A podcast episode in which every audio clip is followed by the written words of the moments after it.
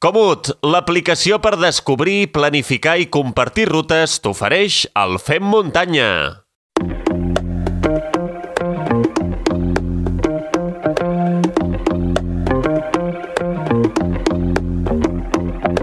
I avui en el nostre muntanya de llibres arribem ja a la número 14, eh, darrere d'aquesta temporada i coneixent el nostre bibliotecari particular, en Marc Cornet, de ben segur que avui ens porta alguna sorpresa dins de la motxilla. Marc, hola, benvingut. Hola, Xavi. Eh, ja veig que em coneixes bé, eh? M'agrada molt la lectura, però també m'agrada doncs, alguns dels simbolismes que hi podem trobar i que, més, ens relacionen també amb xifres màgiques que formen part de, de la història de la muntanya. No?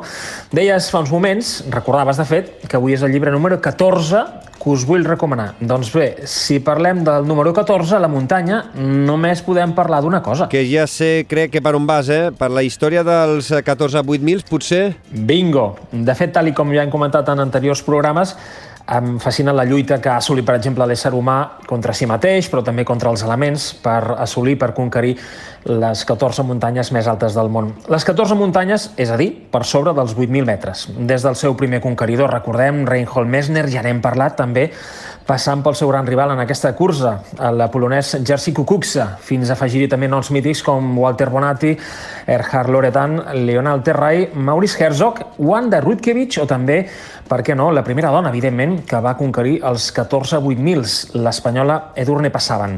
Són noms que formen part de la història de l'himalayisme, de la lluita de l'ésser humà contra el propi medi per conquerir doncs, els punts més alts i arribar a pensar, dins de la seva pròpia confusió, la que tenim tots, que pot controlar l'entorn on viu.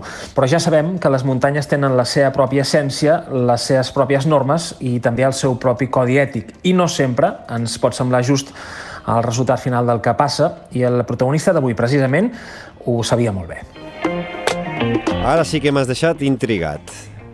Mira, no volia marxar de vacances sense recomanar un dels llibres, una de les històries, de fet, que més m'han frapat dins la literatura de muntanya, no només per la seva forma, eh, per com està escrit, sinó també, sobretot, pel seu contingut i també per tot el que l'envolta. És una de les grans històries relacionades amb la muntanya, la tragèdia en forma part, sí, i al final segurament no és el desitjat, també, però la mostra de solidaritat i també amistat que hi ha en el llibre que us porto avui em semblen, de fet, un dels grans exemples que ens pot donar a tots plegats la muntanya en general i també l'alpinisme dels 8.000 en particular.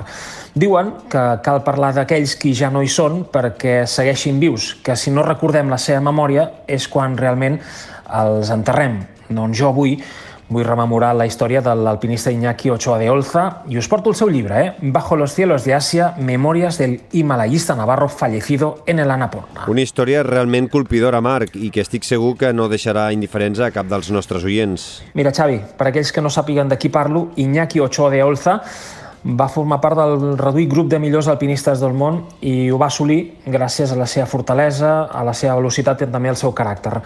Però rere aquests trets, també s'hi amagava una persona emotiva, senzilla i amb una ètica i uns valors a prova de bombes. El seu intent a rescat, en aquest cas a l'Anapurna, l'any 2008, és una de les mostres més bèsties de solidaritat, en aquest cas, que s'han vist mai al món de l'Himalaya. No? Més enllà de recordar aquest episodi, per, com dèiem, mantenir viu, ben viu, l'Iñaki Ochoa de Olza, entre aquells qui estimem la muntanya, el llibre també ens ajuda i ens mostra un relat nu i lúcid de com ell, el propi Iñaki, entenia la muntanya i la vida mateixa, no? que en definitiva n'hem parlat moltes vegades, no deixa mm -hmm. de ser el mateix. No? Una primera frase seva a tall d'exemple. Eh? Hay quien dice que la única razón por la que escalamos es para purgar de nuestros cuerpos los demonios de la civilización. Una gran frase, Marc. A veure, per això anem a pams. Eh, comencem, si vols, per explicar la història de salvació del propi Iñaki a l'Anapurna, que, si mal no recordo, està batejada també amb el nom de la muntanya assassina. Sí, i no es tracta d'un qualificatiu baladí. Eh? Mira, per exemple, aquesta dada. Per cada 10 alpinistes que assoleixen els 8.091 metres de la desena muntanya més alta del planeta, de l'Anapurna, 4 moren en l'intent. És molt bèstia, eh? Sí. Estem davant d'un cim que té una mortalitat del 40%. 10 arriben a dalt, 4 no és que es quedin pel camí, sinó que moren podríem dir que és una autèntica barbaritat, està clar, i de fet això posa de manifest totalment que ens trobem davant d'una de les muntanyes més difícils del món, si no de la que més, almenys dels 14 a 8.000, doncs segur que sí. A veure, ens eh, traslladem a l'Anapurna l'any 2008. L'Iñaki Ochoa de Olza buscava assolir el seu 13è 8.000 i només li mancava el Kenchajunga i l'Anapurna. 23 de maig de 2008, Xavi. 7.400 metres d'alçada. Iñaki Ochoa de Olza mor a l'Anapurna després de patir un ictus isquèmic i també un possible edema pulmonar. Durant la seva ascensió a l'Anapurna va haver de desistir de l'intent d'assolir el cim, degut sobretot a les dures condicions meteorològiques adverses i també a la seva feblesa física, en aquell moment. Fins aquí podríeu dir doncs, la mort d'un altre alpinista a l'Anapurna, però el seu cas no va ser un mes. I, si vols, recapitulem el que va passar, eh? perquè Tres dies abans, 20 de maig de 2008, salta l'alarma al camp base de l'Anapurna, Iñaki Ochoa de Olza es troba malament i no és capaç de baixar pel seu propi peu, en aquest cas des del camp 4, com dèiem, a 7.400 metres d'alçada. El seu amic i company de cordada, Oria Colibasano, es queda amb ell per cuidar-lo, sobretot perquè no el vol deixar sol. Posa fins i tot la seva pròpia vida en perill per cuidar del seu amic. En paral·lel també, el suís Ulistek arriba a la mateixa alçada per intentar salvar-lo. Però és que encara n'hi ha més, perquè 5 de la matinada del 20 al 21 de maig, Denis Urufko descansa a Kathmandu, la capital del Nepal, després d'haver assolit el cim del Makalu. Un dels xerpes, amic d'Iñaki i també d'ell, el lleva, el desperta i li diu que l'alpinista navarrès està molt malament i no pot baixar del camp 4. La seva vida, també li diu, corre realment perill. Tot i el cansament, l'alpinista rus Denis Urufko no s'ho pensa dues vegades i agafi ràpidament la motxilla i un helicòpter el puja fins al camp base de l'Anapurna. 22 de maig. Recorda que la història va començar dia 20 de maig. Doncs 22 mm. de maig, Denis Urufko i Dan Bowie surten del camp base carregant oxigen i també medicaments per arribar fins al punt on es troba l'Iñaki el més aviat possible. És una ascensió, en aquest cas, express i pretenien arribar en menys d'un dia una autèntica bestiesa fins al punt on es trobava el seu amic. 23 de maig, després d'una de les ascensions més solidàries i d'una també de les gestes en la història de l'alpinisme que més es recorden, Urufko i Bowie estan només a unes hores d'arribar al punt dels 7.400 metres, al punt on l'Iñaki es debat encara entre la vida i la mort. Però l'alpinista navarrès no va aguantar més i va morir. 11 alpinistes més, a banda de Urufko i Dan Bowie, aquell mateix temps també estaven equipant amb cordes la part baixa de la muntanya per tal de poder rescatar l'Iñaki i dur-lo al camp base tan ràpid com fos possible. Per unes hores, els medicaments i l'oxigen que portaven Urufko i Bowie no van arribar a temps. Quina història, Marc. Realment dura, eh?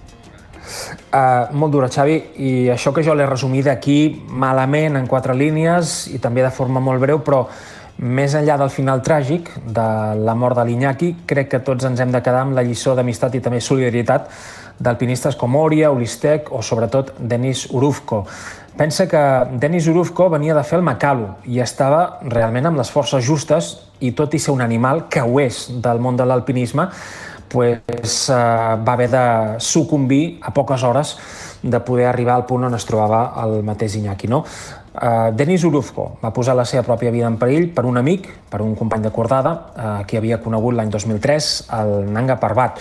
Molta gent podríem dir que no entén els alpinistes perquè diuen que això d'assolir tant risc per la futilitat d'un cim no té cap mena de sentit. Des de fora, potser els podríem arribar a donar la raó, els podríem entendre, no? Però crec que si t'agrada la muntanya, també entens que ells, els alpinistes, es regeixen per un altre codi, però sobretot per una ètica fins i tot superior a la que ens envolta tots nosaltres, que ho veiem des de la comoditat d'un sofà, no? estant a casa. És allò que recordava abans també del propi Iñaki, d'exorcitzar d'alguna forma els propis dimonis anant a la muntanya. I ell mateix, en aquest sentit, es pregunta al llibre això, eh? Diu, ¿por qué escalamos? Vaya pregunta más estúpida. Pues por lo mismo que reímos, amamos o lloramos, porque vivimos. Mm, és una gran frase d'aquestes que, que sempre m'agrada ressenyar. I només també una dada més, parlant de Denis Urufko, perquè ell ha desistit mitja dotzena de vegades dels seus propis interessos, és a dir, està fent els seus plans, les seves acordades, les seves històries per la muntanya, i mitja dotzena de vegades ha desistit del seu propi objectiu, ha deixat de pujar una muntanya que tenia plantejada per tal d'intentar salvar un company i participar en una operació de rescat com aquesta de l'Iñaki, que malauradament no, no va ser reeixida. No?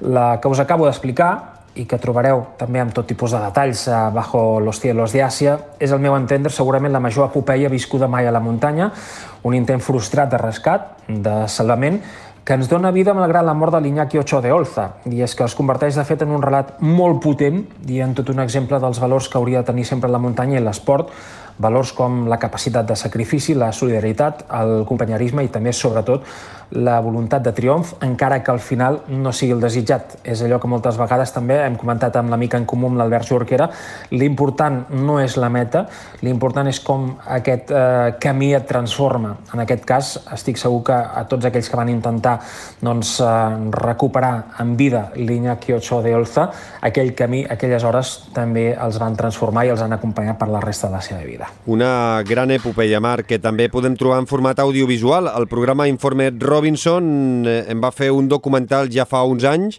molt recomanable i que sobretot exposa a, eh, a la perfecció tot això que ens estàs explicant avui. Mira, ja sé que tot i treballant al món de la televisió eh, sóc sempre més de lletres i de llibres que no pas tant d'imatges i de documentals, però t'he de dir que aquest documental de Movistar, aquest d'informe Robinson, sí que exposa a la perfecció l'intent de rescat de l'Iñaki i tot el que se'n desprèn de positiu. No? Per tant, sí, és molt aconsellable. Això sí, us diria que abans llegíssiu el llibre, perquè el llibre no només parla de l'operació de rescat, sinó també del perfil, de com era, de com pensava, de com sentia el propi Iñaki. No?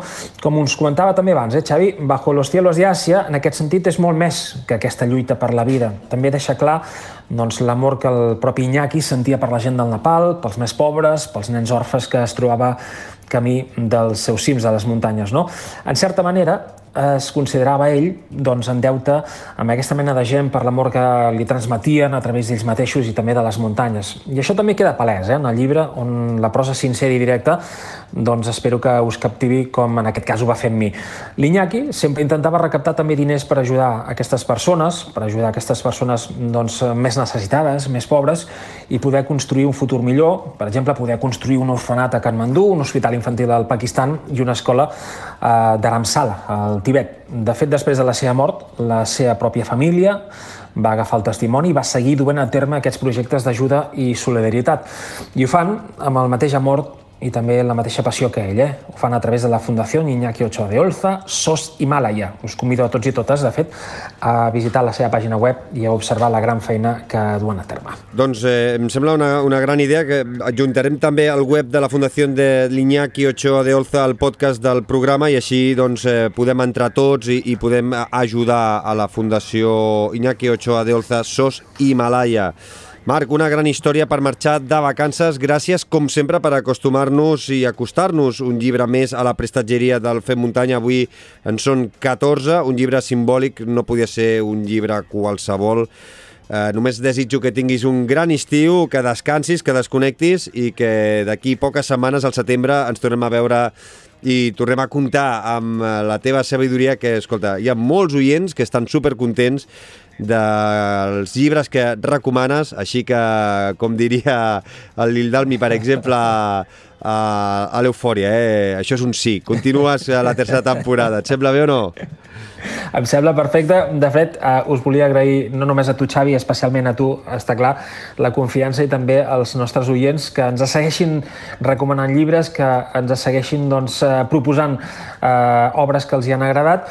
I, de fet, abans d'acabar, eh, com sempre, m'agradaria ressaltar doncs, una de les frases que el propi Iñaki Bajo los cielos de Àsia pren com a referent. És una frase del boxejador Muhammad Ali i diu així, eh?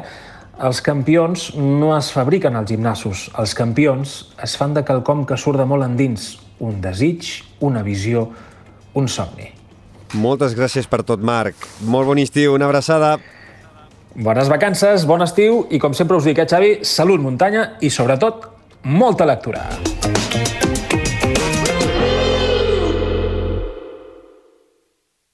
Comut, l'aplicació per descobrir, planificar i compartir rutes t'ha ofert el Fem Muntanya.